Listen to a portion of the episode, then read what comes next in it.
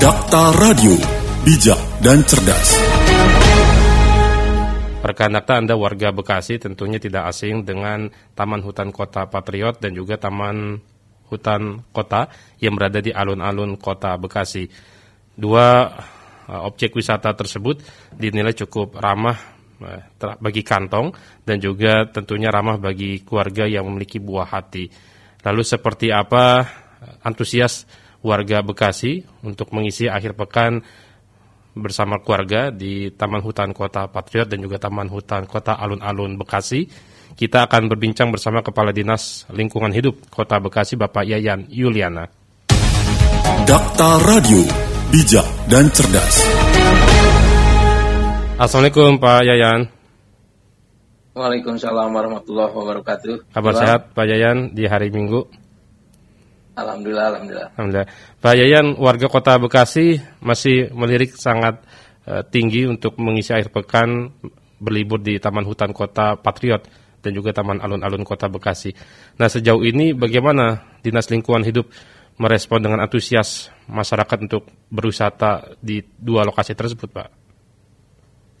Ya, memang alhamdulillah ya di Kota Bekasi masih ada ruang publik, masih mm-hmm. ada ruang terbuka untuk umum uh, salah satunya hutan kota ya. Yeah. Hutan kota pemerintah kota Bekasi itu ada di uh, ini di Gor ya. Stadion hmm. di Gor di situ, kemudian ada juga di alun-alun, kemudian ada juga di Duta ya, Duta Permai. Hmm. Kita harapan karena di situ ada, kemudian ada juga di satu lagi di Jatiasi. Nah, itu memang kita dorong bagaimana eh, lokasi-lokasi uh, hutan kota yang ada di empat tersebut hmm terutama di Hotel Kota Patriot dengan alun-alun itu hmm. bisa uh, dimaksimalkan, bisa bermanfaat dan bisa maksimal untuk aktivitas masyarakat yang ada gitu. Baik. Ya baik itu misalnya untuk uh, nyantai, hmm. untuk berolahraga, hmm. untuk bisa ngobrol-ngobrol segala macam. Di situ juga ada wifi juga, hmm. wifi gratis juga. Baik. Nah kita kan aktivitas masyarakat bisa lebih nyaman lah di situ. Baik. Ya. Kalau di Duta berarti di Perumahan Duta Indah Pak ya, Bekasi Utara ya? Duta Duta Harapan Indah eh, ya. Duta Harapan. Duta Harapan ya. Baik. Duta Harapan ya. Baik, kalau di Duta Harapan kondisinya bagaimana Pak? Seperti di Taman Hutan Kota atau perlu penataan Sama. lagi? Sama, di, di situ juga kan apalagi di situ ada danaunya. Iya, ada danaunya betul. juga. Aktivitas masyarakat banyak di situ juga. Hmm. Ada yang berolahraga. Nah, memang kita eh, terkadang yang ada di lokasi tersebut juga ada pedagang-pedagang kaki lima ya PKL. Nah itu juga kita memang sedang berpikir bagaimana bagaimana menata PKL itu supaya tidak mengganggu hutan kota, tidak mengganggu aktivitas masyarakat, mereka juga bisa berjualan, mm -hmm. tetapi nyaman gitu, Betul. nyaman, tertib, teratur itu yang ini. Karena itu menjadi ini menjadi tujuan masyarakat untuk beraktivitas hmm. di ketiga lokasi tersebut. Baik. Gitu. Setelah nah, kita berharapkan bisa berjalan bersama-sama dan lebih teratur dan tertib lah gitu. Baik. Setelah penat mengisi waktu rutinitas lapas pekan, jadi mereka memang perlu ruang-ruang publik yang nyaman, yang masih ada pohon-pohon gitu Pak Yayan ya. Betul, betul, hmm. betul Bang, betul. Baik, kalau di Jati Asi tepatnya di mana nih Pak? Di halaman di itu yang kemarin lokasinya banjir ya, yang kemarin lokasinya banjir itu di nah, mana? Di situ itu ada satu lagi juga. Itu ada bahkan di situ ada lapangan tenis segala macam ada di situ. Baik, sejauh ini untuk pengembangan penataan seperti di alun-alun Bekasi dan Taman Hutan Kota, bagaimana sarana prasarana, Pak Yayan?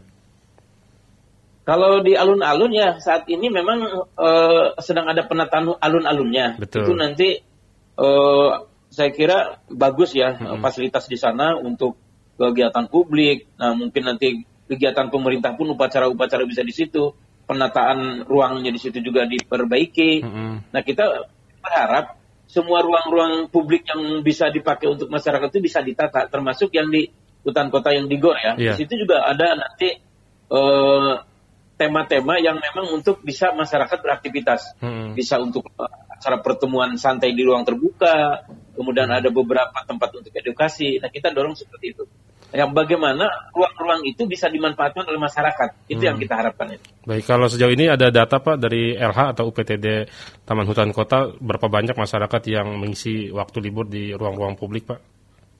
Kalau kita tidak menghitung satu persatu atau tidak menghitung berapa banyak pada per hari atau hmm. hari Sabtu atau Minggu ya, yang yeah. jelas dengan kasat mata aja bisa dilihat lah. Apalagi Oke. kalau alun-alun yang di eh, ini ya alun-alun itu yang depan masjid Iya. itu kalau malam minggu, malam Sabtu itu udah berjejer. Nah, justru kita ingin bagaimana masyarakat bisa beraktivitas, tapi di situ memang kita harus ekstra berpikir, nih, terutama kami pemerintah. Mm-mm. Di situ parkir juga banyak, pedagang Hmm. juga banyak. Baik. Sementara masyarakat menjadi tujuan ke situ gitu loh. Nah, ini Betul. memang PR buat kita ya. Bagaimana aktivitas masyarakat yang mencari hiburan, yang rekreasi, yang nyantai-nyantai di situ, tapi aktivitas masyarakat yang lain tidak terganggu gitu. Di situ kan ada uh, rumah sakit, ada pol polres, Hmm. ada masjid juga. Nah kita ingin secara secara betul-betul bisa tertata dengan sebaik-baiknya gitu. Itu yang sedang kita lakukan. Bahkan penataan ini adalah satu-satunya.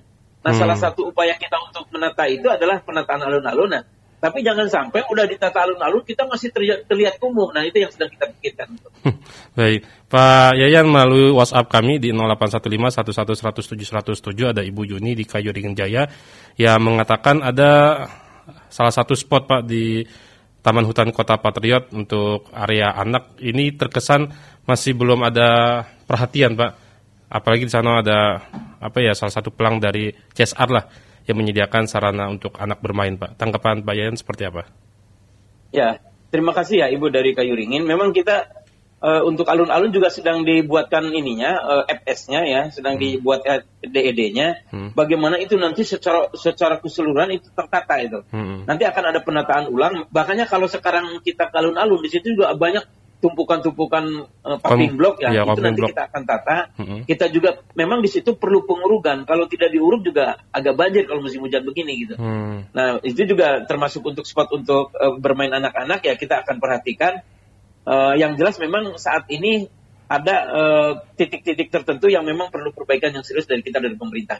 Baik, Pak Yan tadi Pak Yan singgung ada apa paving block itu untuk mengurangi banjir, artinya nanti akan berdampak kepada ruang penyerapan air dong Pak Yayan.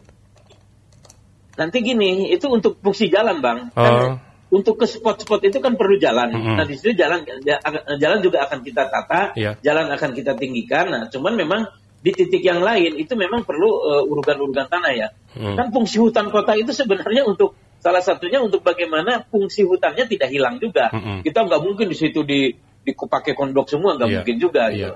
Tapi untuk jalan-jalan ke spot-spot tertentu kan tetap harus pakai kondok. Baik, Pak Yayan ada ajakan bagi warga masyarakat yang belum tahu ternyata Kota Bekasi masih ada ruang-ruang publik dan sejauh mana apa namanya persiapan dari LH. Silakan Pak Yayan untuk sampaikan kepada masyarakat. Baik ya, terima kasih. Saya dari Dinas LH ya, pemerintah Kota Bekasi eh, mengajak masyarakat, ayolah kita ada beberapa ruang terbuka untuk publik, ruang terbuka untuk masyarakat. Hmm. Ada yang di hutan kota Gor, ada yang di alun-alun, ada yang di Duta. Duta Harapan, ada juga yang di Jati Asih. Untuk mencari rekreasi, untuk mencari aktivitas, untuk nyantai-nyantai bisa dilakukan di situ.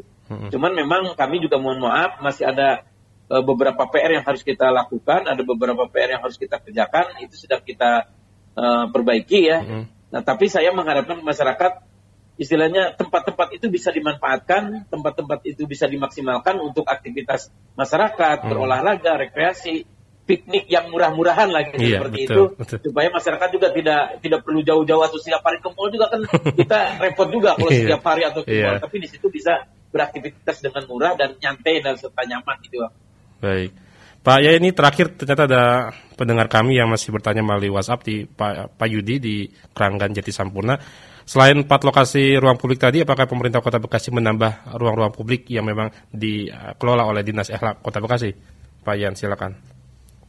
Ya, memang kita lagi mencari Pak. Se- eh, sebetulnya kan kita juga kalau dibilang baru empat itu masih kurang kalau berbicara hutan kota. Iya. Tapi memang kita sangat kesulitan tanah tanahnya itu gitu. Hmm. Terkadang tanah untuk eh, membuat hutan kota itulah yang saat ini sulit, sulit ya. Mm-mm.